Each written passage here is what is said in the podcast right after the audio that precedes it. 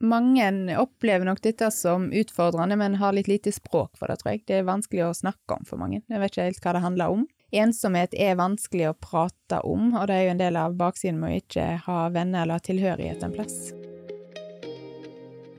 Da lytter du til Ekteskapspodden med Kjetil. og Silje. Og nå er vi kommet til sesong tre. Yay. Og i sesong tre så skal vi ha spennende gjester på besøk her i studio og ta opp eh, aktuelle tema. Så vi håper at du har lyst til å lytte til podkasten vår. Og slå gjerne følge med Ekteskapspodden på Instagram. Der kan du f.eks. òg sende oss en melding og si hva du syns om podden, eller sende oss spørsmål. Da ønsker vi Ingeborg Ørjasæter velkommen tilbake igjen i Ekteskapspodden. Du er jo faktisk eh, den som har vært gjest eh, flest ganger, tror jeg. Ja, Er det gang nummer tre nå? Nei, er det? to? Det kan diskuteres om det her opptreden på Bømlo, om det var Ingeborg som var gjest hos oss, eller om det var vi som gjest hos oh, ja, hun. Jeg tror egentlig det var vi som var gjester da.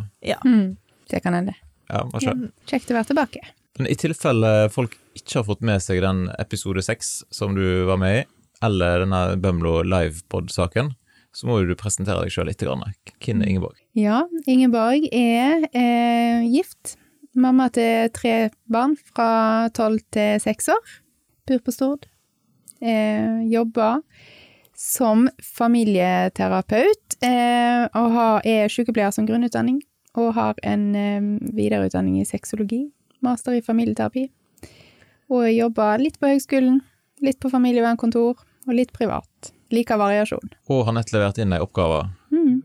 Hva handler den om? Eller hva var den et steg på vei mot? Den var et steg på vei mot eh, doktorgrad. Har lyst til å eh, jobbe mer med å forske på eh, parforhold. Om eh, seksuelt initiativ og seksuell avvisning er noe av det som jeg syns er veldig kjekt å se på i langvarige parforhold.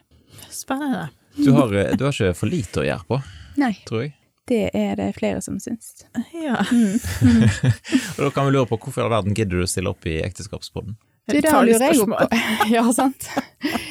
Nei, jeg eh, lurer litt på det når det kneper seg litt til, men eh, eh, det er viktig tema. Det er kjekt å få lov å snakke om samliv, og kjekt å møte noen som syns det er viktig. Sette det på agendaen, så det heier vi på. Og så har du ei veldig fin nettside, har du ikke det? Eh, jo, det har jeg. Jeg driver relasjonell helse. Eh, .no. Ja.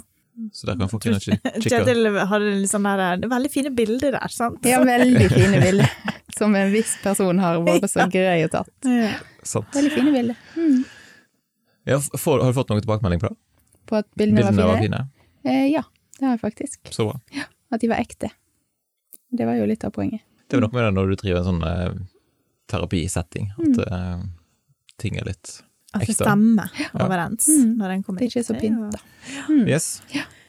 Uansett, uh, før vi, vi går løs på, på temaet for i dag, da, så har vi fått inn noen dilemma som jeg tenkte at de eh, må vi jo teste på deg òg. Første dilemma er liksom aldri mer Pepsi, og jeg går ut fra at det er Pepsi Max, kanskje, Ja. eller aldri mer kaffe. Eh, jeg vil ha kaffe, så da tar jeg vekk Pepsi Max, ja. Mm. Ja, Ja, samme, blir- altså, altså- jeg er jo på kaffen, men Ja, Silje? jeg liker ikke kaffe, så det er jo null Det er no-brainer, som de sier her i familien. Det hadde vært Pepsi. Mm. Veldig enkelt. Mm. Men eh, hvordan er forholdet til Pepsi Max sånn ellers? Du, jeg kan drikke Pepsi Max, men jeg prøver, ikke, jeg prøver å ikke tutedrikke det. Eh, så jeg prøver å drikke brus når det er helg, jeg, altså. Lurt, Fornuftig. Det kan fort bli avhengig av det, tenker jeg. Så Ja. mm. sant? Apropos avhengig, da. Hvis du skulle velge mellom å slette en app, eh, enten Instagram eller Snapchat, Mm. hva hadde du valgt? Da hadde jeg sletta Instagram. Ja, Ja. hvorfor? Nei, for de unge er jo mer på Snapchat, så jeg tenkte liksom prøve å se litt fram. Så vil jeg heller ha kontakt med tantebarn og ja. Ja, via Snap. Mm. Ja, det, vet du hva, det sier jeg jo. For det at hvis ikke det var for jobben, Mm. men der, for der er mye på ins- Instagram. Men, ja, Instagram. Instagram. Mm. Men hvis jeg ikke hadde hatt den jobben jeg har, så hadde jeg sletta Instagram, ja. Mm. Ja, jeg hadde nok uh, sletta Snap, Mm. ja. for jeg er så gammel. Ja.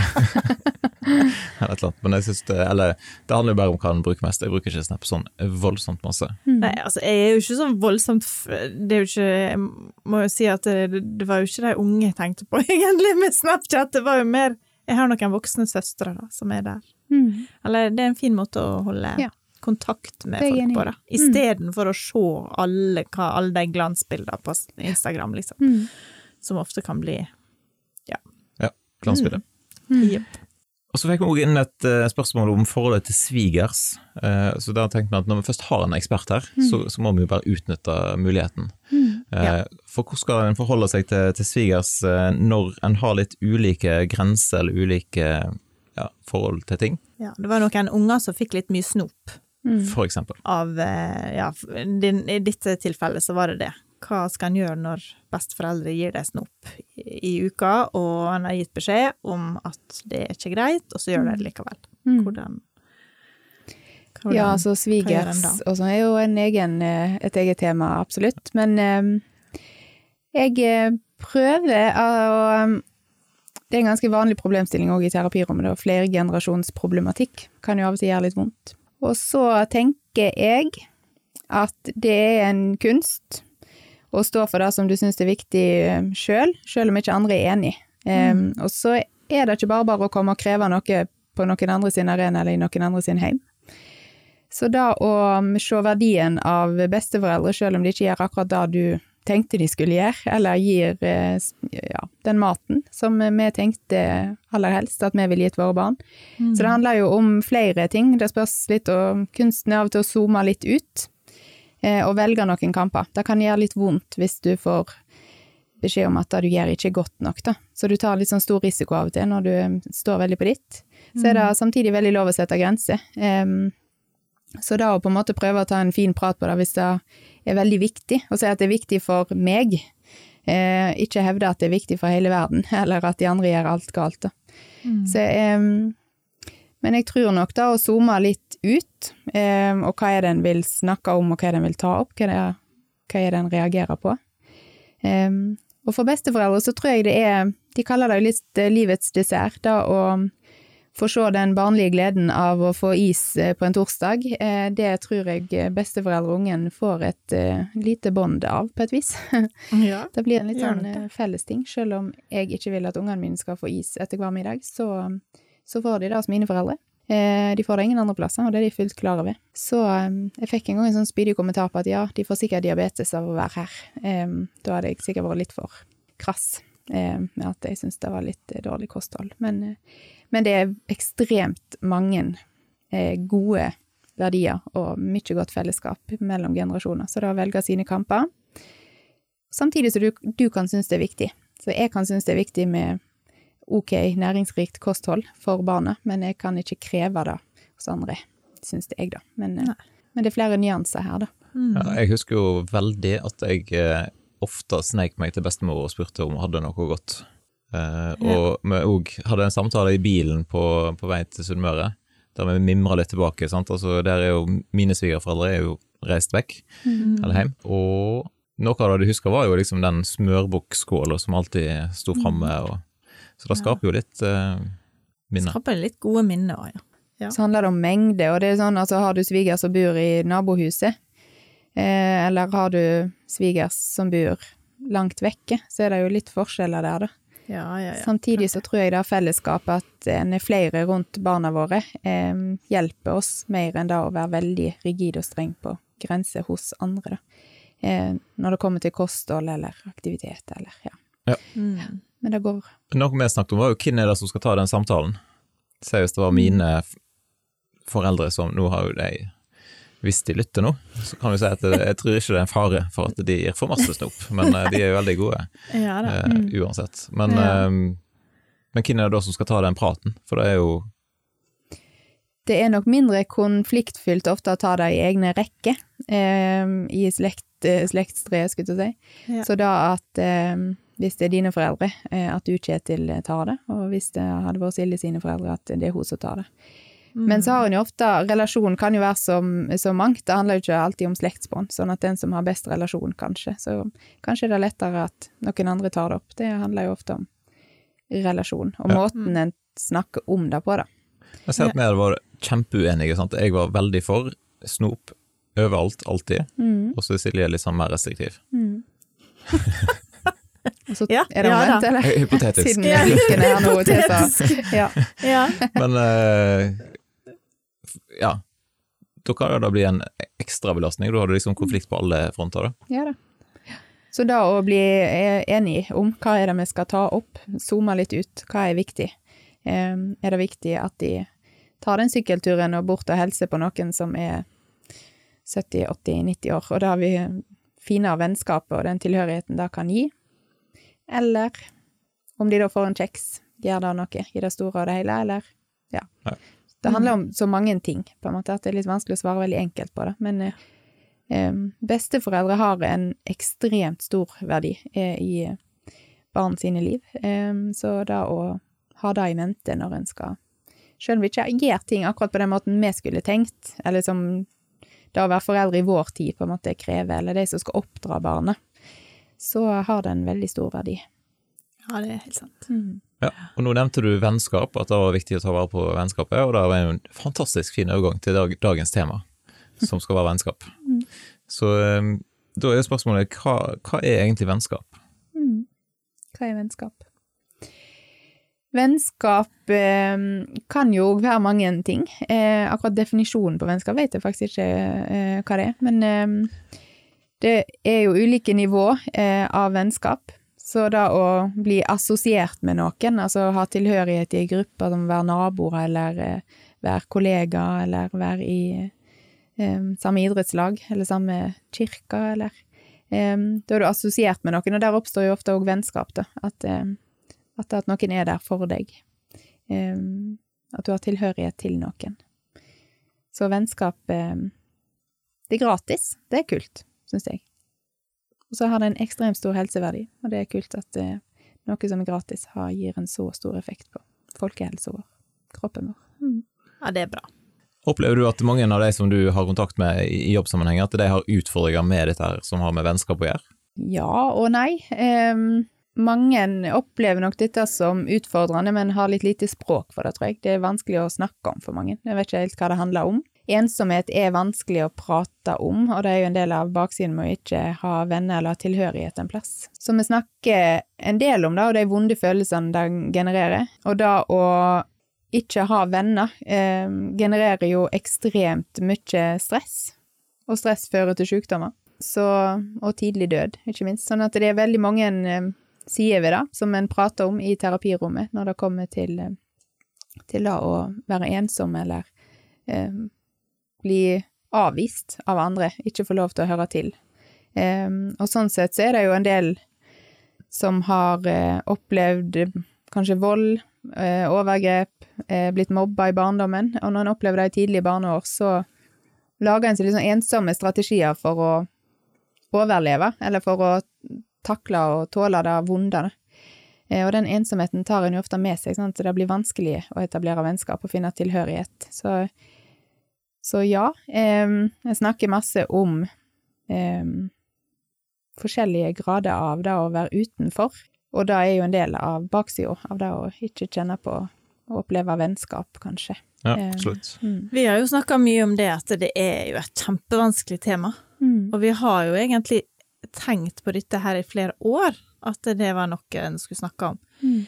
Men det er så vanskelig å sette ordentlig ord på det. Mm. Eller det er vanskelig å si, si ting på en ordentlig måte uten å bli for privat. Ja. Mm. Eh, fordi at vi ønsker jo å være åpne og ærlige, men samtidig så er det jo noen ting som, som igjen ville eh, ikke hengt ut, men altså det, det berører jo Mm. ikke bare oss, Neida. sant? Mm. Det berører jo barna våre, og det berører eh, ja, folk som vi har rundt oss, Mm. og, og vi oppfatter eh, ting på en måte, og så er det kanskje ikke sånn Mm. rundt oss, sånn at det er jo det er jo vanskelig å, å snakke om på en, på en ordentlig måte. Det er derfor vi har med oss en ekspert. Ja, Sant? og det er veldig lurt. Det er lurt. Mm. Eh, Men jeg googla litt i dag og så at ensomheten har økt fra 7% i 2012 til 11% i 2020. Mm. Så det er en ganske god økning, da. Hva tid i 2020, tror du? Det vet jeg ikke, men Var det eh, sånn etter at koronaen var begynt? For i tilfelle så muligens. ja. Mm. Men har du noen tanker om det, hvorfor, hvorfor øker ensomheten i samfunnet? Jeg har ikke lest den forskningen, men jeg kan jo på en måte reflektere rundt det. Og jeg eh, Vi er jo et mer og mer individualistisk samfunn. Eh, og det å være alene er ikke bra for oss. Så det å ikke høre til i et fellesskap eller oppleve eh, gode fellesskap, da, det gjør jo noe med oss. Eh, og det er færre samlingspunkt, opplever jo mange. Og det er mer folk vil gjøre det de har lyst til sjøl. Tida er litt knapp. Så da færre arenaer møtes på, færre det, frivilligheten går ned, og dugnadsarbeid går ned. Altså det er jo flere ting med samfunnet vi lever i nå som kanskje genererer mer ensomhet. Det blir mer skille mellom fattig og rik, og ja, så jeg vil jo tro at det er mange ting som spiller inn eh, der, da. Ja. Mm. Jeg lagde et intervju eh, med de som står bak Folk i sentrum, eh, og de, der er det jo sant, folkehelse, og de var veldig tydelige på da at eh, det å velge seg inn i et fellesskap mm. altså De nevnte eksempel ei som har begynt i Eller som bestemte seg nå begynner jeg i kor. Mm. Sant? For at da kan du både lære deg å synge, og så kommer du inn i et fellesskap. Mm. Har du noen gode tips til, til hvordan bygge vennskap i voksen alder? Ja, tips eh, Eller tanker. Ja, vi i tankene vi. det er alltid litt lettere. Ja, altså Det opplever jo mange som vanskelig og utfordrende. Eh, og så handler det litt om sånn tilknytningsperspektiv òg, for noen er det vanskeligere enn andre eh, å knytte seg til andre mennesker. Og noen, hvis du eksempel har blitt mobba i barne- og ungdomsår, så eh, opplever en seg oftere utenfor, eller at det er vanskeligere å kjenne på tilhørighet, gjerne for en er det mer var på, eh, på, det. Så selv om noen ikke mener å avvise, så, så opplever den andre seg avvist, da. Så det så det er flere årsaker til at vi opplever det vanskelig som voksen. Noen har jo veldig sånn klikkete eh, gjenger, eh, så det er vanskelig å komme inn i. Mm. Eh, og da er det en sånn ubehagelig plass. Du føler du er på feil plass til feil tid. Eh, det har jeg opplevd sjøl noen ganger. Det er ganske ubehagelig, faktisk, når du plutselig bare er i feil, på feil plass til feil tid. Og du er jo blitt invitert med, kanskje, eller du har bare dukka opp. Men så merker du at disse her har liksom vært venner i mange år. Um, så du får en opplevelse av å presse deg litt på. Men eh, om de opplever det på samme måte, eh, det vet jeg jo ikke. Jeg spurte jo på en måte eh, ikke om det. Men, eh, men, vi vil jo ikke presse oss på. Vi vil ikke være en byrde. Vi vil liksom høre til. Men det er et valg en ofte må ta. sant? Altså, og det er en sånn fiffig greie med at jo mer du prøver, jo større er, større er sjansen for at det går bra. At du har suksess med å eh, søke andre, da. At du får lov til å være med. Men mm. de fleste av oss mister jo litt motet, da. Sant? Du skal liksom stå litt på hvis du skal våge å spørre og invitere deg inn, eller invitere til noe. For du tenker jo kanskje at eh, jeg har ikke så mye å by på, eller hvorfor skal de være med meg? Men um, det jeg syns er et viktig perspektiv inn i det, er at, som òg forskning viser, er jo at det handler om å ha én venn eller flere. Sant? Én venn er for mange nok. Um, og det å ha opplevd godt vennskap er viktig, um, men det er ikke nødvendigvis viktig å være i en stor flokk eller ha veldig mange venner. Eh, heller ikke ha suksessrike venner, eh, mm. eller ha de riktige vennene. Så da å, å, velge seg inn i et fellesskap, altså da å tre inn i frivilligheten, eh, melde seg til oppgaver, eh, tenker jeg eh, hjelper oss. Eh, for da blir vi assosiert med noe, og assosiasjon og vennskap er rimelig close til hverandre. Så om det handler om å ta på seg et oppdrag eller være med på noe, tenker jeg er hjelper oss litt på vei. Men det koster noe, det er dørstokkmil der. Mm. Og for noen er det vanskeligere enn andre, eh, og noen av de som opplever mest utenforskap eller ensomhet i eh, flere land, og Norge òg, er jo de som har en funksjonsnedsettelse. Sånn at hvis en har alt ifra en uh, usynlig til en synlig funksjonsnedsettelse, så opplever jo mange at det er vanskelig i det hele tatt å komme seg over dørstokken, eh, og at samfunnet generelt ikke legger til rette for dem, at det er vanskelig å, eh, å bli med. Mm. Så, og der er det mye ensomhet. Så da å åpne øynene litt, hvis du er i en vennegjeng, eh, så kan det være helt avgjørende for at noen legger litt til rette for deg, eller at noen eh, inviterer deg med, og tenker over at når vi møtes der, så kan hun eller han òg være med. Eh, så da tenker jeg over hvor en møtes, eh, og hva en gjør, tenker jeg at vi er mange som kan bli veldig mye flinkere på. Så tror jeg vi har en tendens til å tenke oss utenfor, eh, at en opplever at vi er utenfor, selv om vi kanskje ikke er det, og at det virker som alle andre har det så mye finere og flottere. Det er en del vennegjenger som er flinke å finne på ting, og legge ut bilder av det, for eksempel, så det virker som de har et veldig sånn fellesskap og nesten et samfunn, eh, der de har, gjør mange kjekke ting. Og det tenker jeg er bra. Jeg håper at vi kan bruke de bildene til å bli inspirert. At hvis vi blir litt misunnelige eller kjenner på noe, at vi kan gjøre noe av det samme. For da å invitere noen til å spille kubb i hagen en sommerkveld, eller gå på stranda med flere, eller ta en tur, det krever ikke alltid så masse, og det er ikke så dyrt. For det er ikke alle som har økonomi til å på en måte samle masse folk, eller gjøre veldig kule aktiviteter, nødvendigvis. Men eh, men det er ikke de store, kule tingene som betyr noe i det lange løp, tror jeg. Det var bra du sa at, at vi måtte bli inspirert, for det, det, dette er jo litt sånn der Instagram, sant. Altså mm. du ser hva alle andre gjør, og så, mm. og så blir du litt sånn åh, hvorfor ble ikke jeg invitert med? Nei. Eller hvorfor, hvorfor er det bare alle andre som finner på ting? Mm. Sted, og, og, snu litt på den, da. Mm. Istedenfor å bare bli sår og og ja, lei, mm. så kan en uh, snu det og mm. tenke kanskje vi kan finne på noe likt med noen, vi òg, ja. liksom. Mm. Hva kan mm. jeg gjøre? Og det er litt sånn, mm. for veldig ofte når vi sammenligner oss med andre, så kjenner vi jo på litt eh, eh, misunnelse eller sjalusi. Så da bruker den eh, misunnelsen som litt sånn rettesnor på hva er det jeg blir misunnelig på. Um, og så våge å gå litt inn i den følelsen og kjenne etter hva er det jeg vil ha av det de har, da. Mm. Er det å finne på ting med noen andre, eller uh, spille noe, eller uh, være en del av noe? så har jo de mest sannsynlig gjort en jobb for å komme dit, de òg, men den hører vi jo ikke så mye om. Og så Vennskap er jo ikke bare idyll, sant, det høres ut som det er ingen motstand i vennskap, og, men eh, folk er forskjellige, eh, og det kan gjøre litt vondt å ha venner. Eh, og vi blir irritert og sint og frustrert og lei eh, av vennene våre. Mm. Og det betyr ikke at det ikke er et godt vennskap, sant, bare litt eh, omfavne at vi har veldig mange ulike sider, så det skal ikke være fryd og gammen hele veien. Eh, så det er helt vanlig å bare ville ha en liten dose, og så trekke seg tilbake igjen. Det, det kan være godt vennskap for det om. Mm. Mm. Hender det at eh, venner slår opp i voksen ja. alder? Da vil jeg eh, si er nokså vanlig. Um, ja. Og det handler jo om du må velge å på en måte dyrke et vennskap. Eh, noen kan du jo treffe som det er mange år siden du har sett, og føler at du, du snakker veldig lett med dem. Altså, Det er mm. deilig med sånne folk som du har god kjemi med, selv om du ikke har truffet ja, dem på lenge. Ja. Det, det, er liksom ikke så mye motstand i det. Du trenger ikke gjøre så mye. Praten bare går. Mm.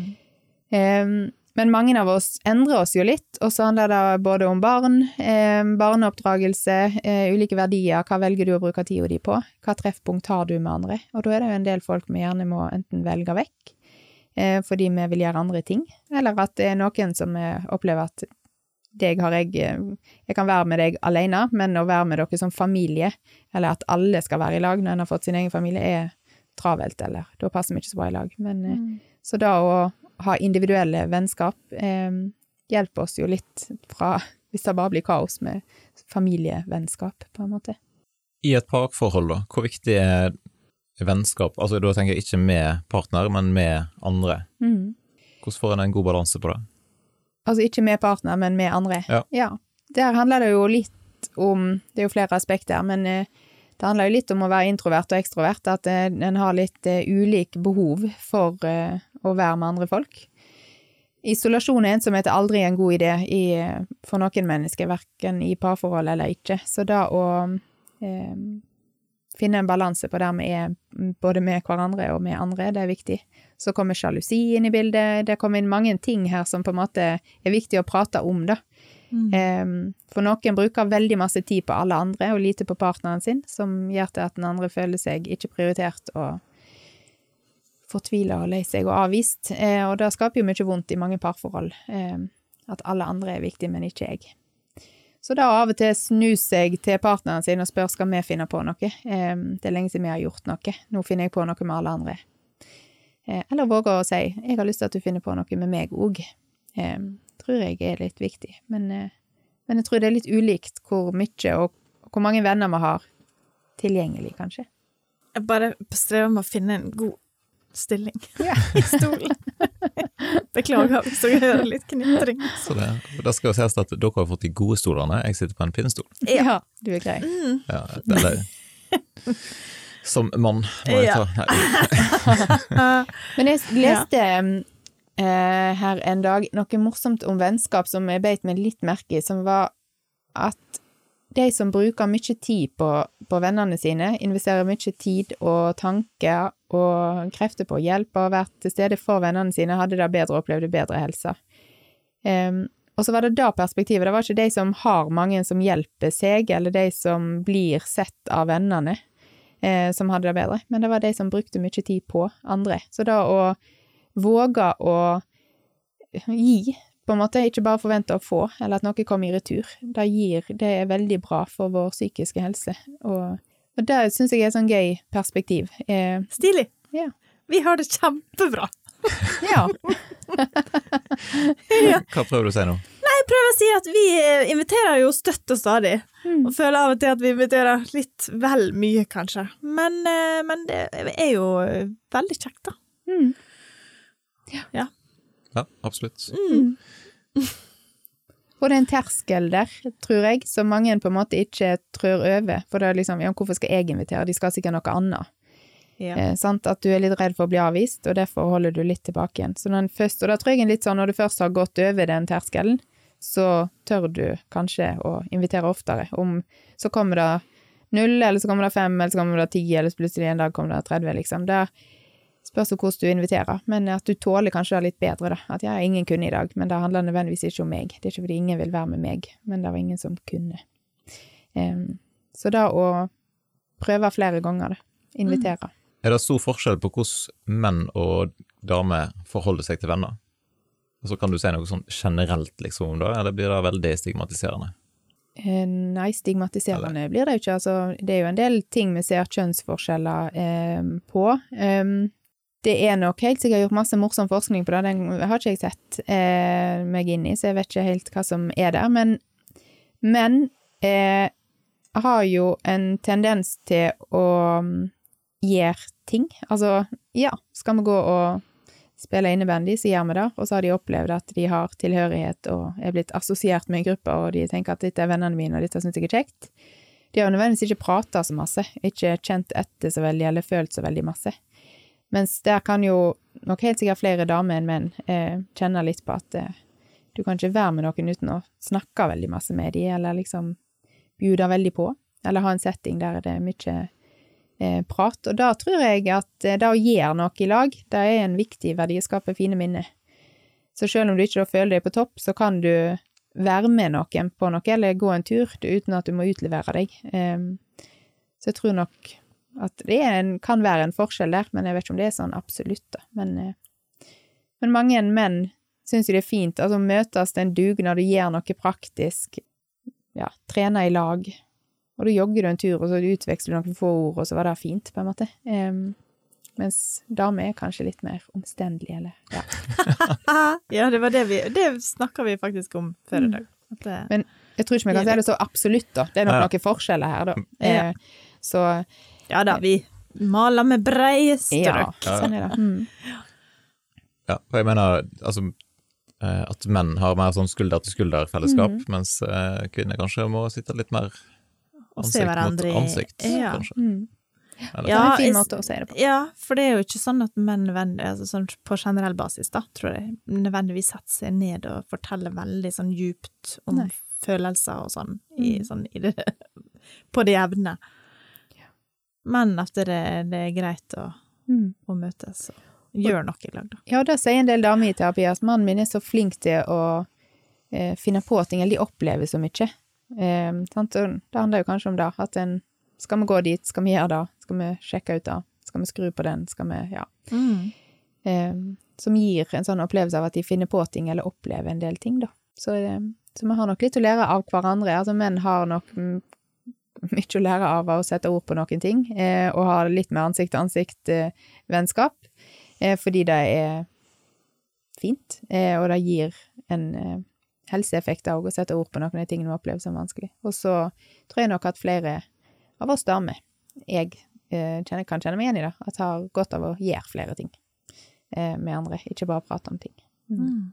Men det er jo en utfordring da i en til tider veldig hektisk hverdag. Mm. Og sant, Du nevnte jo at du har to-tre jobber og studerer og skal skrive doktorgrad og har unger og i det hele tatt. Og en mann som pendler. Ja. Det er jo, ja, Det var Eh, lurt, det var lurt. når dere sier det i denne rekka der. Ja. Så, så hva er din favorittmåte å pleie vennskap på? jeg, eh, det jeg syns er vanskelig, er jo at jeg, for å kunne ha det sånn, så avviser jo jeg en del forespørsler. Sant? Altså En må sette noen grenser som jeg er redd for at andre blir lei seg, og vet at andre blir lei seg fordi de vil ha meg med på ting, eller jeg har blitt med før.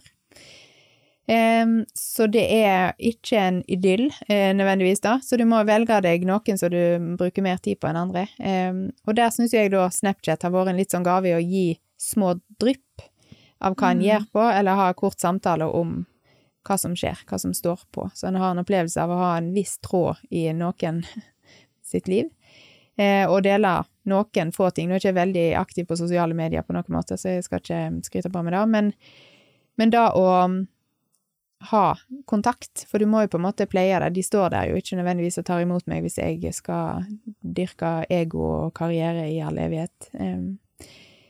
Men med, jeg har veldig fine folk rundt meg, eh, og vi har det, som på en måte eh, hjelper hverandre, eh, og kan Vi må ikke ha huset på stell eller invitere på store middag for at folk skal komme, eller det å gjøre små, enkle ting.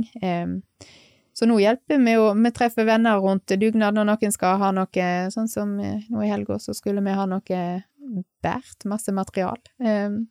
Og da er mannen min der og en gjeng som stiller opp. Som uh, oppleves jo som å dyrke vennskapet i, mens du gjør noe praktisk, da. Uh, og jeg har vært og besøkt ei venninne som var alene med sine barn i helga. Så da å gjøre ting Litt knirking i stolen her nå. Nei. knirking i magen. Oi, det knirking i magen, ja. Stakkars så sulten Silje. Nei, ikke det. Det var en rar mage. Ja. Og det høres sikkert ikke sånn at nå lager vi jo noe med vesen der, ja, i tilfelle, da. Så ja, ja beklager. Nei, Midt i en god historie, liksom. Midt i en god historie. Uff a sånn, meg. Nei, men da å eh, invitere seg inn, da kommer jeg med mine unger. Eh, og da tar en med seg sovepose, og så camper en der. Da trenger en Det skal ikke bli så mye rigg.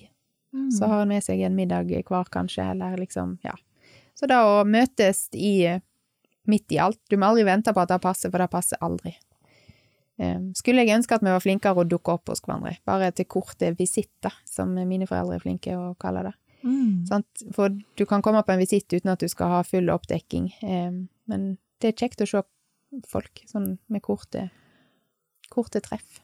Jeg hadde, jeg fikk, eh, etter at vi fikk eh, han yngste, så var det ei som kom innom, og hun bare satte seg ned i sofaen og begynte å brette klær. Ja. Fordi da var det liksom, huset sto litt sånn på ende, og sa å, det var så deilig å komme en plass der det, så da hadde hun noe å gjøre på, liksom. Mm. Og det, sånn en gang så tenkte jeg ja, men så var det egentlig noe litt sånn befriende med det òg. Mm. At det, ja, at den bare dukka opp, og så var ikke huset helt strigla, men mm. det gjør jo ingenting, for en blir jo så mye gladere av å treffe folk enn mm. å ha et uh, sånn her designer uh, interiørbladhus. Ja, for hvis du skal vente på at du kommer dit, så kan det jo uh, bli litt slitsomt for veldig mange. Da får vi aldri besøk. så det er så greit. Men du må tåle litt stress, da. Eh, du må jo invitere inn. Sånn 17. mai-frokost, for eksempel, hadde vi eh, Det er ikke en sånn tradisjon vi har, men jeg tenkte nå har ikke vi sett folk på lenge, så vi inviterer noen familier. Eh, og svigerforeldrene mine var der òg, og foreldrene mine var der. For da å ikke liksom reindyrke det til at det skal være en viss aldersgruppe, en viss type folk, da er det en mm. sånn miks av mange forskjellige. Eh, men da må du jo tåle litt stress, sant. Altså det er jo styr å lage til, men det er resultatet fellesskap du vil ha. Det er på en måte Du trenger ikke elske prosessen med å fikse på ting og ordne og ha mat på bordet, liksom. Eh, det må du på en måte gjøre for å mm. eh, samle folk, kanskje. Så da å ha fokus på hva det er du vil ha, så må du tåle å bygge litt stein for stein, og tåle at det blir litt pes. Men, men da styret er for meg veldig verdt det. Eh, det å strekke seg litt og for å samle folk, det eh, syns jeg er Det gir meg veldig, veldig masse. Vi ser at noen har lytta til episoden nå og kjenner på at, eh, eller kjenner på ensomhet, eller kjenner på at dette med, med vennskap da er problematisk. Mm. Ja, eller en har ingen familie å invitere på besøk. Ja. Mm. Nå har du gitt eh, noen tips og råd og sånn mm. underveis, mm. men har vi noen sånn siste hva, hva kan vi gjøre for å ta tak i det? Ja, for min del så hjelper det å tenke på assosiasjon før du tenker på vennskap, sant? fordi at da å bli assosiert med noen og gå i, finne tilhørighet en plass, eh, da, og da om det er i samme båtlag, for den saks skyld, eller om det er i eh, fotballklubben til ungene dine. Da å si at jeg kan være med, jeg kan være på treninger og, og knytte fotballsko, eh, fordi jeg kan ikke fotball. Fordi jeg er faktisk elendig med ball, men eh, jeg kan være her. Mm. Eh, det gjør jo til at du blir assosiert med noe. Og så skal ikke vi tulle med sånn eh, merch, faktisk. Eh, det å liksom ha sånne symbol for tilhørighet, det eh, betyr overraskende mye for mange. Og da å da bli assosiert med noen, eh, gå med en eh, genser som står idrettslag på, eller eh, om det er å stå at det står 'chosen', eller at det står Altså at det blir en del av en større careless bikini, for den saks skyld, til, som Sara Emilie Tandberg har skapt. Sånn, Mm. Da å på en måte Hei, vi er Vi har noe til felles. Eh, gir jo gjerne en sånn samtalestarter. Eh, så da å, å våge å, å prate med folk, og bare begynne å snakke i vei, eh, og det er jo det som er så vanskelig. Men da trenger vi ofte en anledning, eller ha noe felles vi ser på, eller ja. Mm. Da våge å gå bort til folk, og ikke stå alene. Eh, Og det er en kjempeterskel. Da er det absolutt, og det er ikke alltid mm, lett heller. Og da er det ikke for meg heller, som er veldig eh, ekstrovert, er vant til å bli godt likt. Eh, og Men da å gå bort til noen som sitter eh, på et bord, sånn som nå første førskoledager med seksåringen, dette har jeg gjort mange ganger før. Men du må aktivt gå bort og sette deg med noen. Eh, jeg Mm. må gjøre noe. Det er ikke sånn at folk strømmer bort til meg og at dette her går smooth. Det genererer mye ubehagelige følelser. Så det å stå i dem For en samtale er jo litt sånn Kanskje er det Sier en ikke så mye, men en er på samme plass. Um, og så blir du assosiert med de, og så oppstår det jo ofte vennskap etter kjemi og sånne ting. Da. Så da våge å alt ifra å bli frivillig til å være på ungene sine fritidsaktiviteter. Um, gjør noe. Og hvis det er en hobby du har lyst til, eller sant, å melde seg på, bli med en plass.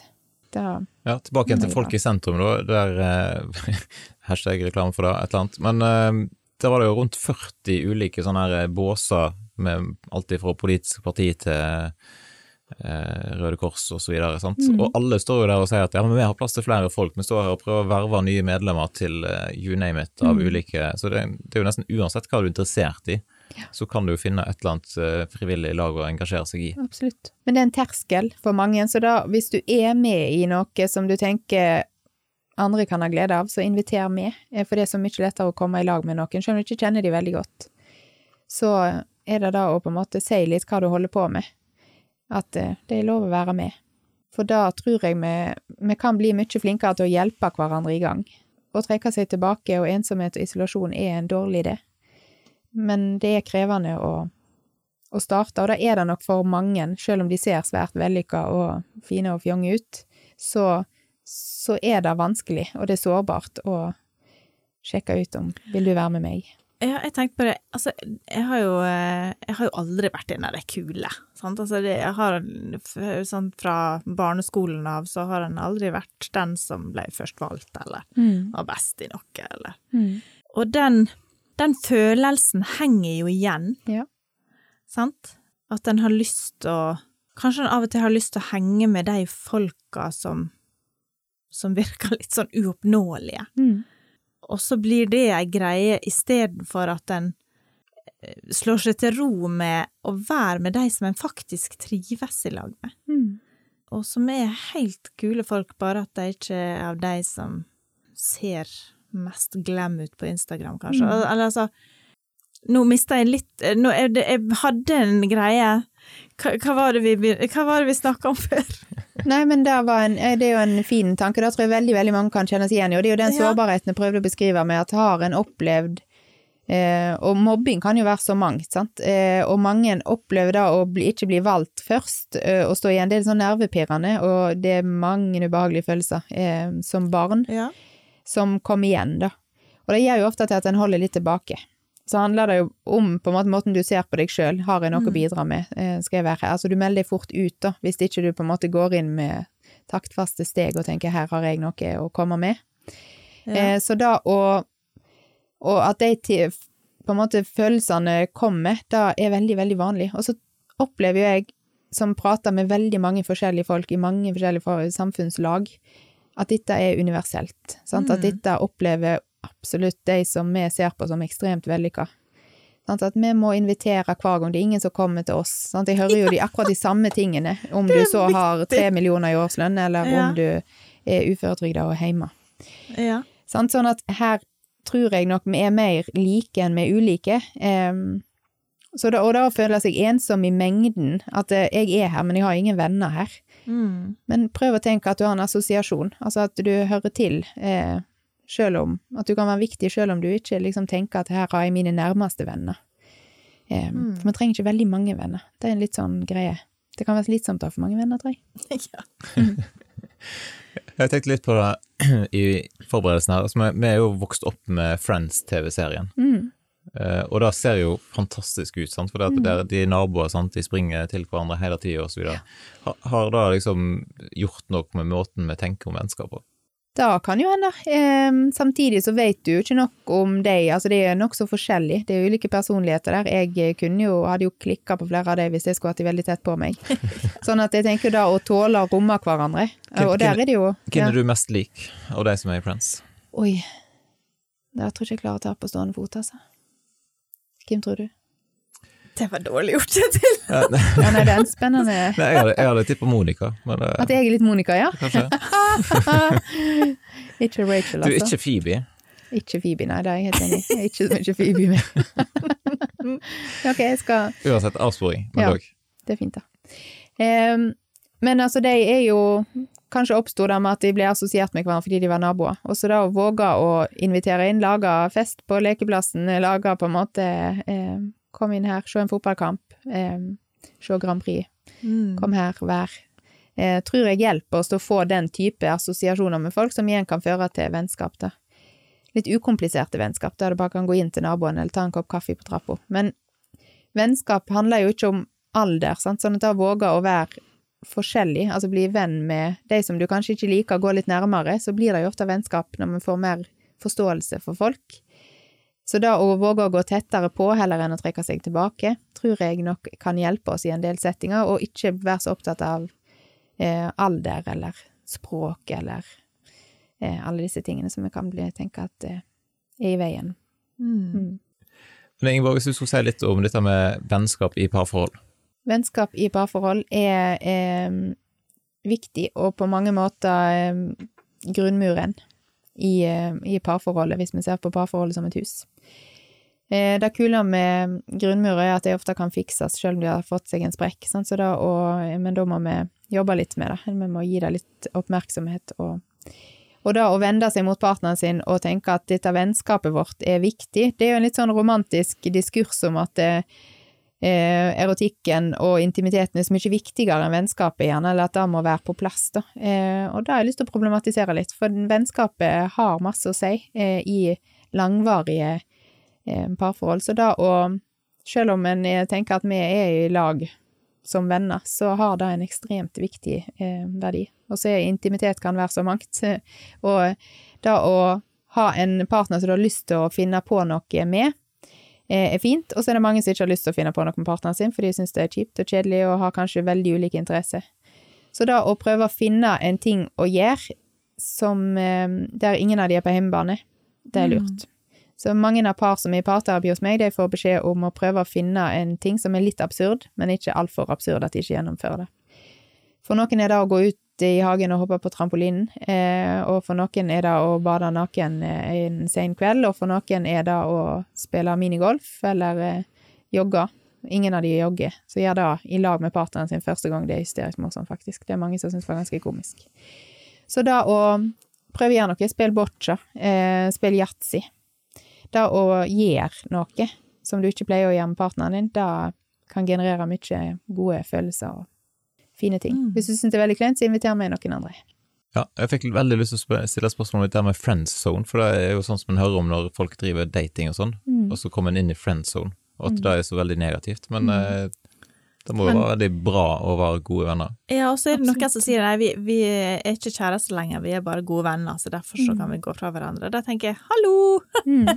det er jo kjempeviktig å være gode venner. Men det kan jo Ja. være mange, altså Ja da, og det er mange eh, på en måte aspekt eh, ved det, men jeg tenker at det er Vennskap er veldig, veldig viktig, og så er det jo litt forskjell på når du skal etablere et forhold, da. Så er det jo fint at det em, En gnist. en gnist av Mm. forskjellige slag. Men, men da å på en måte det å velge hverandre igjen og igjen, òg på bakgrunn av godt vennskap, og du er viktig for meg, det er noe veldig verdifullt og fint med.